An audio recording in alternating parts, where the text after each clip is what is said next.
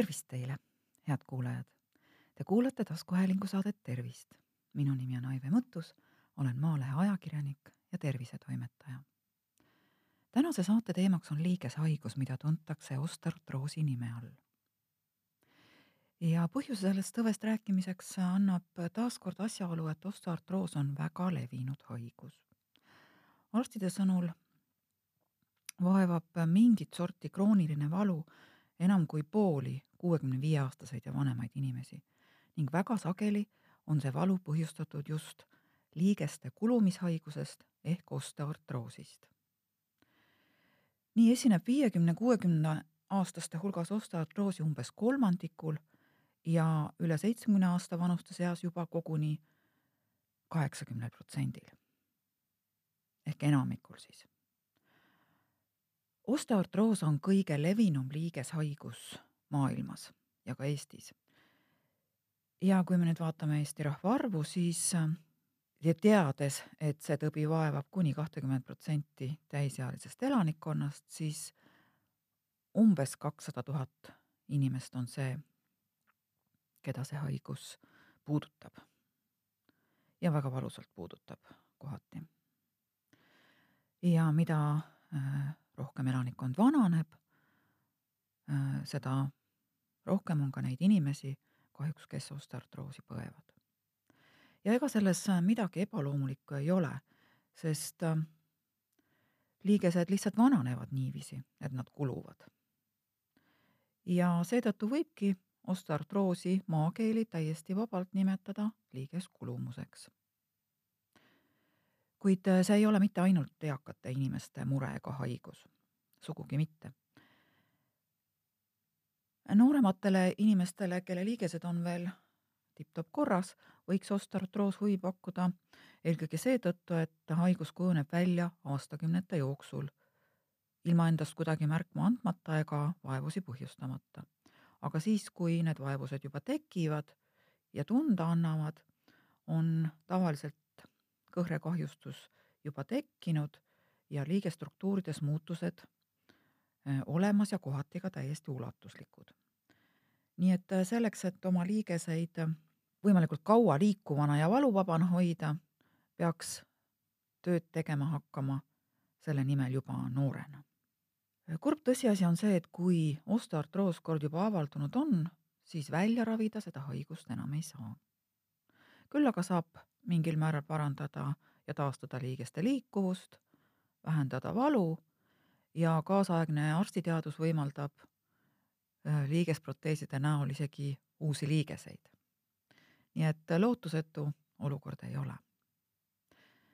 jätame täna aga valuravi ja liigeste proteseerimise kõrvale ja keskendume liikumisele ja liikuvusele. seda esiteks seetõttu, et liigeskirurgiat on eetri vahendusel üsna raske käsitleda ja valuravist ei räägi ma sellepärast, et see on väga individuaalne ja ka suhteliselt äh, keeruline valdkond. ehk et igale inimesele määrab tema äh, haigust, äh, valu, iseloomu ja kõike muud arvestades, näiteks kaasuvaid haigusi, ikkagi tema enda arst.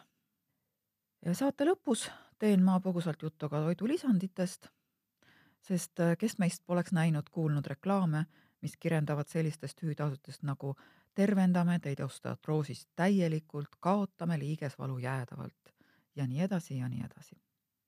appi võtsin ma endale tänast äh, saadet ette valmistades Eesti Reumatoloogide Seltsi poolt koostatud osteoartroosi ravijuhendi, äh, reumatoloog doktor Maria Üpruse loengumaterjalid ja geriaater doktor Helgi Kolki artikli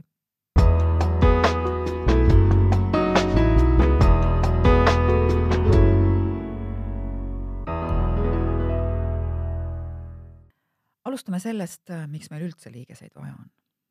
liigeste peamiseks ülesandeks on luude ühendamine ja mitte lihtsalt ühendamine, vaid liikuvalt ühendamine. enamasti paikneb ühe luu kumerots ehk liigespea teise luu otsalohus ehk liigeseaugus. kuid liiges, näiteks põlveliiges, võib omavahel ühendada ka kahte kumera otsaga luud. olgu luud milliste otstega tahes on mõlemad luuotsad liigese sees kaetud libeda liigeskõhrega. ja nende vahel liigub määrdeõlina, kui nii võib öelda, justkui liikuvates masinaosades, liigesvõie, mis kaitseb liigeseid hõõrdumise ja kulumise eest. ja liigeseid ümbritseb tugev ja sitke sidekoest liigeskihn. lisaks on mõnedel liigestel, näiteks põlve ja lülisambalülide vahelistel liigestel ka põrutust vähendav funktsioon. ja selleks on nendes liigestes liigestpindade vahel kõhrelised moodustised. Põlves on selleks menisk ja lülisamba lülide vahel diskid. liigeste liikumisulatus on väga erinev. mõned neist on üsna suure liikumisulatusega, lausa ringe saame nendega teha, näiteks õla ja puusaliigesed. seevastu aga küünarliigest ja sõrmi või varbaid saame liigutada ainult nii-öelda ette-taha. Ja ühe keelelise väärarusaama klaarin ma ka siinkohal ära. kui me räägime elavast organismist, siis on paslik ja õige kasutada sõna luu või luud. kondid on need, mis on keedetud või ahjust läbi käinud.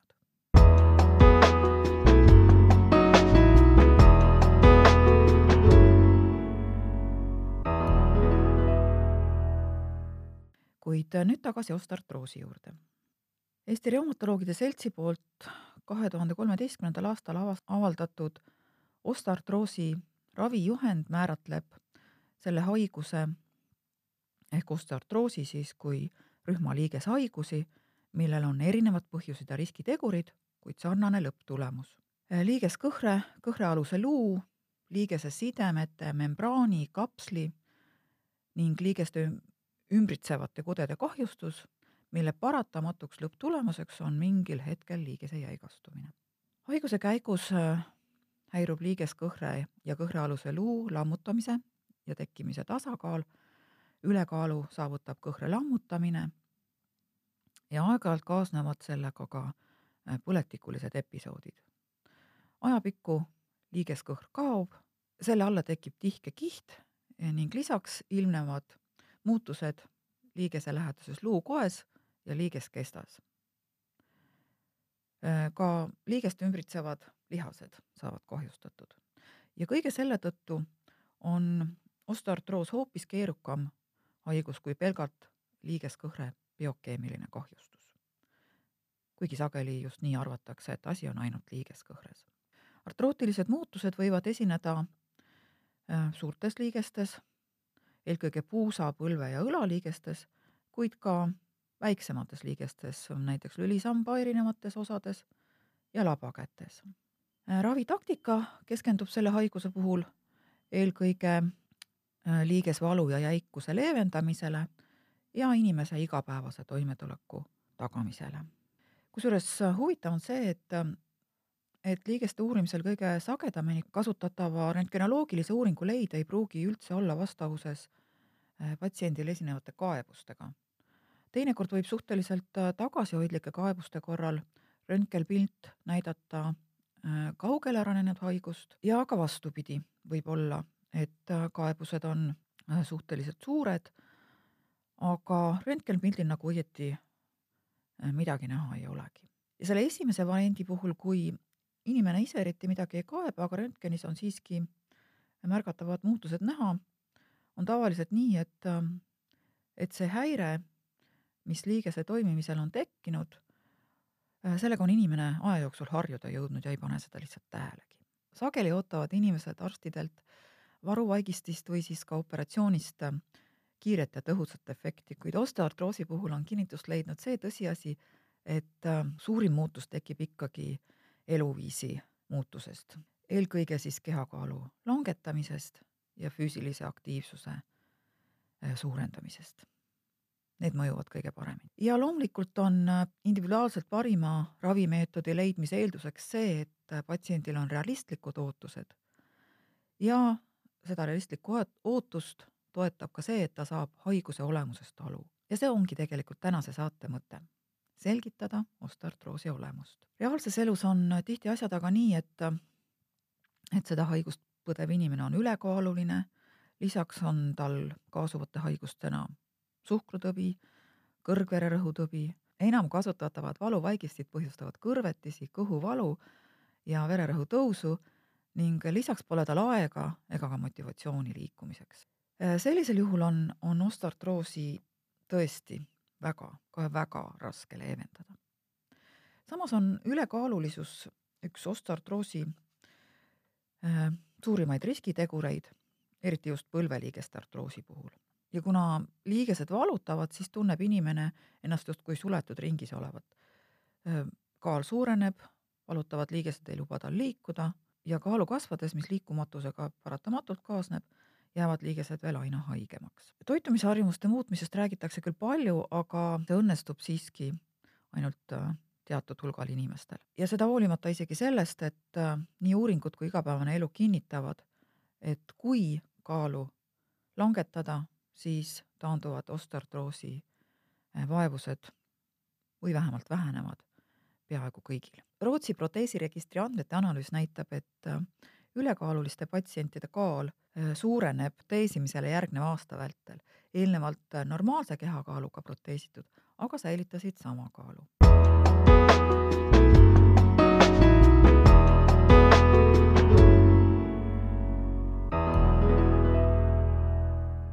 Kuidas osteartroos avaldub? nagu öeldud, on algus aeglane ja märkamatu esimese asjana tunneme me tavaliselt seda, et liikumisel tekib liigeses kerge krigiin. meditsiinilises keeles nimetatakse sellist nähtust krepitatsiooniks. edasi lisandub valulikkus. hommikuti võite märgata liigesjäikust, mis kestab kuni pool tundi ja mehaaniline valu tekib harilikult liigese koormamisel ning kaob rahuolekus. Valu on iseloomult tuim ja tugevneb päeva teisel poolel oluline sümptom on see, et pärast istumist või seismist liikuma hakates esineb äh, niinimetatud stardivalu ja selle põhjuseks on see, et pika puhkuse ajal liigesvedelik pokseneb ja liikvele minnes on liigese liigutamine seetõttu raskendatud. Äh, paljud inimesed kirjeldavad seda, et ai, mul jäi põlv kangeks. üheks iseloomulikuks äh, sümptomiks, mida haiged kirjeldavad, on see, et trepist on neil alla minna raskem kui üles tulla haiguse arenedes äh, muutuvad valud aga püsivaks ja krigin ehk krepitatsioonid tugevnevad. ja lõpuks liiges deformeerub ehk muudab kuju ning seda põhiliselt just liigese sees tekkivate luuliste puhandite tõttu. perioodiliselt äh, võivad äh, osteartrootilises liigeses mehaanilise koormuse ja trauma tagajärjel tekkida aga põletikunähud. oluline on neid põletikunähte siiski vältida, sest äh, niisuguste episoodide ajal on kõhre lagunemine intensiivsem ja noh, loomulikult on liigesed ka valulikud ja turses ja nende liikuvus tavalisest piiratum ja enesetunne oluliselt kehvem. mida siis teha, kui osteoartroosi diagnoos on kinnitust leidnud? nagu ma ütlesin, jätame praegu valuvaigistid ja proteesid arstide hooleks ja vaatame, mida me iseenda jaoks teha saame esmalt äh, loomulikult peaksime me pühenduma riskitegurite kõrvaldamisele. katsume kaalust alla võtta, kui meil on üleliigseid kilosid, äh, katsume koormust vähendada. Äh, noh, kui me näiteks püsti töötame, siis tuleks püüda leida mingi teistsugune töö, kus istumine ja püsti seismine vahelduvad. ka ainult istuv töö ei ole väga hea. Osteartroosi ravi väga olulisteks nurgakivideks on võimlemine ja liikumine ja paraku on nii, et, et väide, et ma ju kõnnin niigi ja teen majapidamistöid äh,, siin ei, ei kehti. ja õigesti sooritatud äh, harjutusi see ei asenda. seega tasuks kas või üks kord füsioterapeudi juures käia, lasta endale harjutused ette näidata ja siis neid kodus ka järjepidevalt teha. ja tõesti, neid tuleb teha järjepidevalt, iga päev. hommiku võimlemine võiks olla osteotroosi haige igapäevase elu osa. Äh, mis on liigutamise mõte? Mm, liigutades me säilitame ja suurendame lihasjõudlust, parandame liigeste liikuvust ja aeglustame deformatsioonide teket. Ja noh, otse loomulikult aitavad kõik need asjad meil väga oluliselt äh, paremat enesetunnet saavutada. Äh, väga heaks liikumisviisiks on osteoartroosi haigetele ujumine või siis ka vesivõimlemine. aga sellised alad, mille käigus liigesed väänduda või pöörduda võivad ja ka põrutada saavad, tasuks vältida. lihtsalt öeldes ärge hüpake. ja äh, jooksmisega on ka lood nii ja naa arstid äh, ütlevad, et äh, parem on mitte joosta, aga igaüks peaks endale ikkagi äh, siiski ise sobiva liikumisviisi leidma. et kui te, kui te olete harjunud jooksma, siis võite proovida. võib-olla üks-kaks korda nädalas lühemad distantsid õnnestuvad teil ilma, et liigestest põletikku tekiks. ja üldiselt on pehmem joosta spordisaalis lindi peal. Äh, kui te jooksete väljas, siis kindlasti tuleks valida pehme pinnas. asfaldi peal ärge oma haigete liigestega mitte mingil juhul jookske ja ausalt öeldes on mul ka alati valus vaadata, kuidas äh, tervete liigestega inimesed asfaldi peal jooksevad, sest see koormus, mida te oma põlvedele niiviisi käitudes tekitate, on, on ikka päris hirmus. ma saan küll aru suurtest äh, linnamaratonidest, aga mul on siiski väga raske mõista inimesi, kes oma, oma liigeseid äh, asfaldi peale lõhkuma lähevad. Äh, ükski neist ju pärast seda jooksu ei tunnista, et ai, mul on järgmisel päeval väga valus. lisaks liigeste liikuvusele tuleks tähelepanu pöörata ka vastupidavuse arendamisele. ja selleks on väga hea kolmel-neljal päeval nädalas kakskümmend, kolmkümmend minutit, kes jaksab kas või tund aega mõõduka koormusega kõndida. ja mõõdukas koormus on siis selline, et te saate sel ajal rääkida vabalt, ei hakka iga kahe sõna järelt hingendama.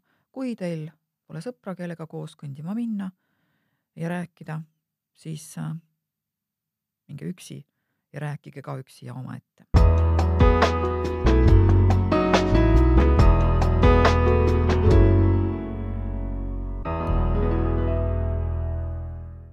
Nüüd natukene lähemalt ujumisest ka. Äh, see on äh, tõesti suurepärane liikumisviis ja, ja eelkõige seetõttu, et äh, vesi pakub keha liigutustele pehmet vastupanu ja teeb liigutuste tegemise lihtsamaks. oluline on aga ujumise juures see, et, et te ujuksite õigesti, paneksite pea vette ja ka hingaksite vette. sest kui te näiteks rinnuli ujute, nii-öelda seda rannakonna pea veest väljas, teete te oma lülisambale ja turjalihastele tegelikult kurja. Äh, kujutlege, et, et te peaksite niiviisi käima, pea kuklas.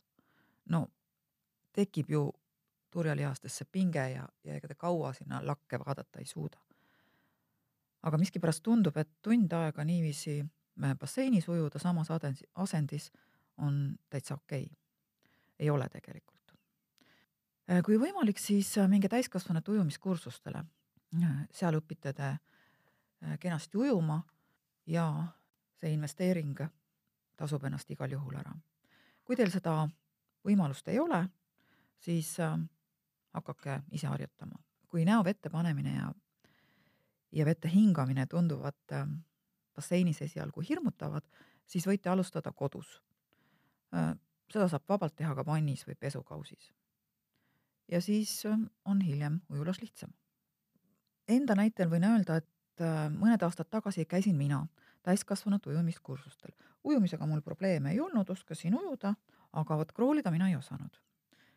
ja alguses äh, tundus see tõesti täiesti võimatu.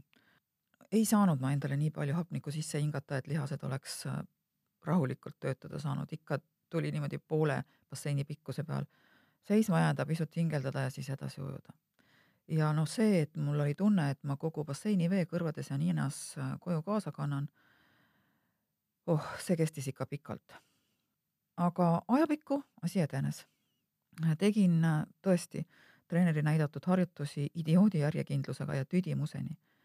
aga ühel hetkel käis klõps ja asi oligi käes. nii et proovige teie ka, küll te saate hakkama. nüüd äh, veel üks asi, mida te ise kodus oma osteartroosi kergendamiseks teha saate. ja nimelt siis, kui haiges liigeses on kogemata ülekoormuse tõttu tekkinud põletik. siis pange liigesele peale külmamehis või külmakott. külm aegustab ainevahetust ja pidurdab turse ja koekahjustuse teket. külmal on ka valu vaigistav toime, sest ta aeglustab juhtimiskiirust närvikiududes ja valulävi tõuseb. külmakoti võiks põletikulise liigese peal hoida vähemalt kolm-neli korda päevas, kakskümmend minutit korraga. ja kui põletik on väga äge, siis kas või iga kahe tunni tagant. oluline on aga meeles pidada seda, et, et jääkotti paljale nahale ei paneks. sest kui te nii teete, tekitate te endale nahakahjustuse pange alati naha ja jääkoti vahele mingi õhuke kangas, näiteks käterätik. või kui te teete äh, külmamähist või panete jääkoti põlvele, siis jätke äh, sinna koti alla pikad püksid.